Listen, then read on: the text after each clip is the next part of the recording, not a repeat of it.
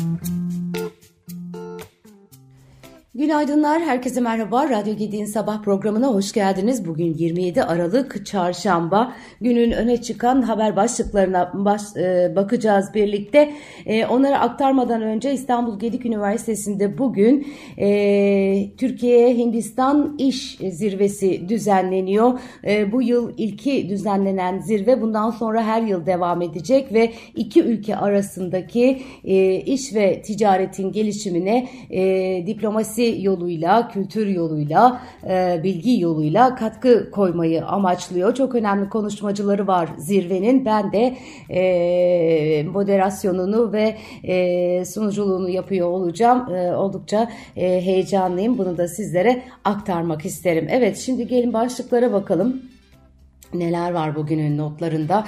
Ee, Çalışma ve Sosyal Güvenlik Bakanı Vedat Işıkhan asgari ücret tespit komisyonunun 3. toplantı tarihi için henüz bir karar almadığını ifade etti. Bu hafta içinde açıklamayı arzu ediyoruz diye de eklemiş. İsveç'in NATO'ya katılımına ilişkin protokol Meclis Dışişleri Komisyonu'nda oy çokluğuyla kabul edildi. Kararın ardından ABD Dışişleri Bakanlığı tarafından yapılan açıklamada ABD Dışişleri Bakanlığı e, tarafından yapılan açıklamada ABD ABD'nin alınan karardan memnuniyet duyduğu belirtilerek e, Başkan Biden uzun zamandır Türkiye'nin F-16 filosunun modernizasyonuna verdiği açık desteği sürdürmektedir ki bu durum NATO'nun operasyon kabiliyetini geliştirecektir ifadelerine yer verildi.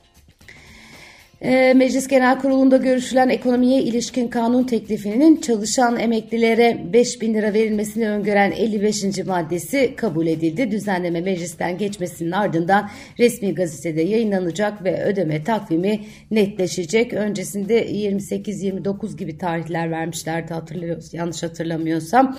Ee, şimdi resmi gazetenin arkasından e, net tarihi görüyor olacağız.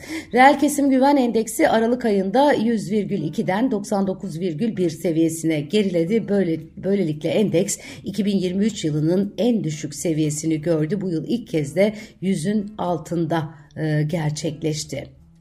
Türkiye İstatistik Kurumu Aralık ayında hizmet sektörü güven endeksinin ise 1,4 puan artışla 112,3'e e, çıktığını e, duyurdu. Perakende ticaret sektörü güven endeksi 5,1 puan artmış 116,8'e yükselmiş. İnşaat sektörü güven endeksinde ise 3 puanlık bir azalış var. Orada da endeks 88 seviyesinde. İmalat sanayi kapasite kullanım oranı verileri de açıklandı. Aralık ayında bir önceki aya göre 0,5 puanlık bir azalma var. 77,5 seviyesine gerilemiş. Aralık ayında alt mal, mal grupları arasında Kapasite kullanım oranı en çok azalan grup 1,5 e, puan azalışla 77,4'e inen yatırım malları grubu olmuş. Evet, e, Akademik Özgürlük Endeksi 2023 raporuna göre Türkiye 179 ülke arasında 166. sırada yer almış. Türkiye Uluslararası e, Kuruluşlar tarafından ağır insan hakları ihlalleri ve özgürlük kısıtlamaları suçlamasına maruz kalan Kuzey Kore, Belarus ve Türkmenistan'la aynı grupta yer alıyor. Türkiye'nin Akademik Özgürlükler Endeks puanının 2012-2022 arasında 0,43'ten 0,08'e düşmesi son 10 yılda özgürlük seviyesinin hızlı şekilde gerilediğine işaret, işaret ediyor. Çok üzücü. Evet, e, dün akşam saatlerinde bir duyuru yayınlayarak Türkiye İşçi Partisi Milletvekili Can Atalay'ın bireysel başvuru hakkının ihlal edildiğini açıklayan Anayasa Mahkemesi'nin ikinci Atalay kararı dün gece resmi gazetede yayınlandı.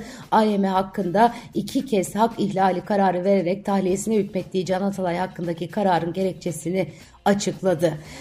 Ee, ilk derece mahkemesinin yetkisi dahilinde bir dosyayı Yargıtay'a göndermesiyle başlayan Yargıtay'ın da anayasa hükümlerini göz ardı ederek verdiği bir kararla şekillenen süreç anayasanın sözünde açıkça aykırılık oluşturmuş ve neticede başvurucunun bireysel başvuru hakkı, seçilme ve siyasi faaliyette bulunma hakkıyla kişi hürriyet ve güvenliği hakkının ihlaline yol açmıştır denilmiş.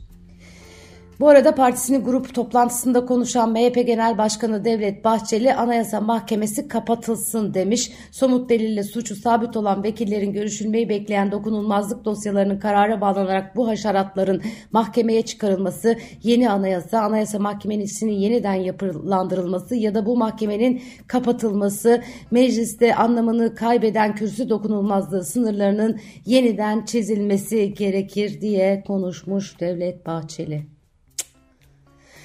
Milli İstihbarat Teşkilatı tarafından sorumlu düzeydeki örgüt unsurlarının da içinde bulunduğu terör örgütü PKK'ya ait Suriye, Aynul Arap, e, Kamışlı ve Amude'deki tesislerin imha edildiği bildirildi. 50'ye yakın hedef vuruldu diye bugün manşetlerde MIT'in Suriye'deki operasyonu Evet, e, başka neler var? Şöyle bir bakıyorum. İstanbul'da ortalama kira asgari ücretin bir buçuk katı olmuş arkadaşlar. İBB'ye bağlı İstanbul Planlama Ajansı tarafından İstanbul'da asgari ücretli olmak yaşam maliyeti temelli bir asgari ücret politikası raporu hazırlanmış. Rapora göre İstanbul'da Kasım 2023'te kira fiyatları bir önceki yıla göre %75,7, 2019'un aynı ayına göre %732,1 artmış ortalama ortalama kira bedeli asgari ücretin bir buçuk katına, katına kadar çıkmış durumda. Tartışmalı kazada aile şikayetini geri çekti diyor. Bir başka haber İstanbul'da motokurye Yunus Emre Göçer'in hayatını kaybettiği kazada suçlu bulunan Somali Cumhurbaşkanı'nın oğlu Muhammed Hasan Şeyh Mahmut için 2 yıldan 6 yıla kadar hapis cezasına çarptırılması talep edildi. İstanbul Cumhuriyet Başsavcılığınca hazırlanan iddianamede dosya kapsamındaki görüntüler, adli tıp kurumu raporları, kolluk tutanakları ve tüm dosya içeriğinden yola çıkıldığında şüphelinin kusurlu eylemiyle Yunus Emre Göçer'in ölümüne sebebiyet verdiğinin anlaşıldığı bildirildi. Öte yandan iddianamede motokurye Göçer'in eşi Öznur Göçer'in 13-15 Aralık'taki ifadelerinde, ifadelerinde şüpheliden şikayetçi olduğunu 20 Aralık'taki ifadesinde ise bu aşamada herhangi bir şikayette bulunmadığını beyan ettiği belirtildi. Enteresan.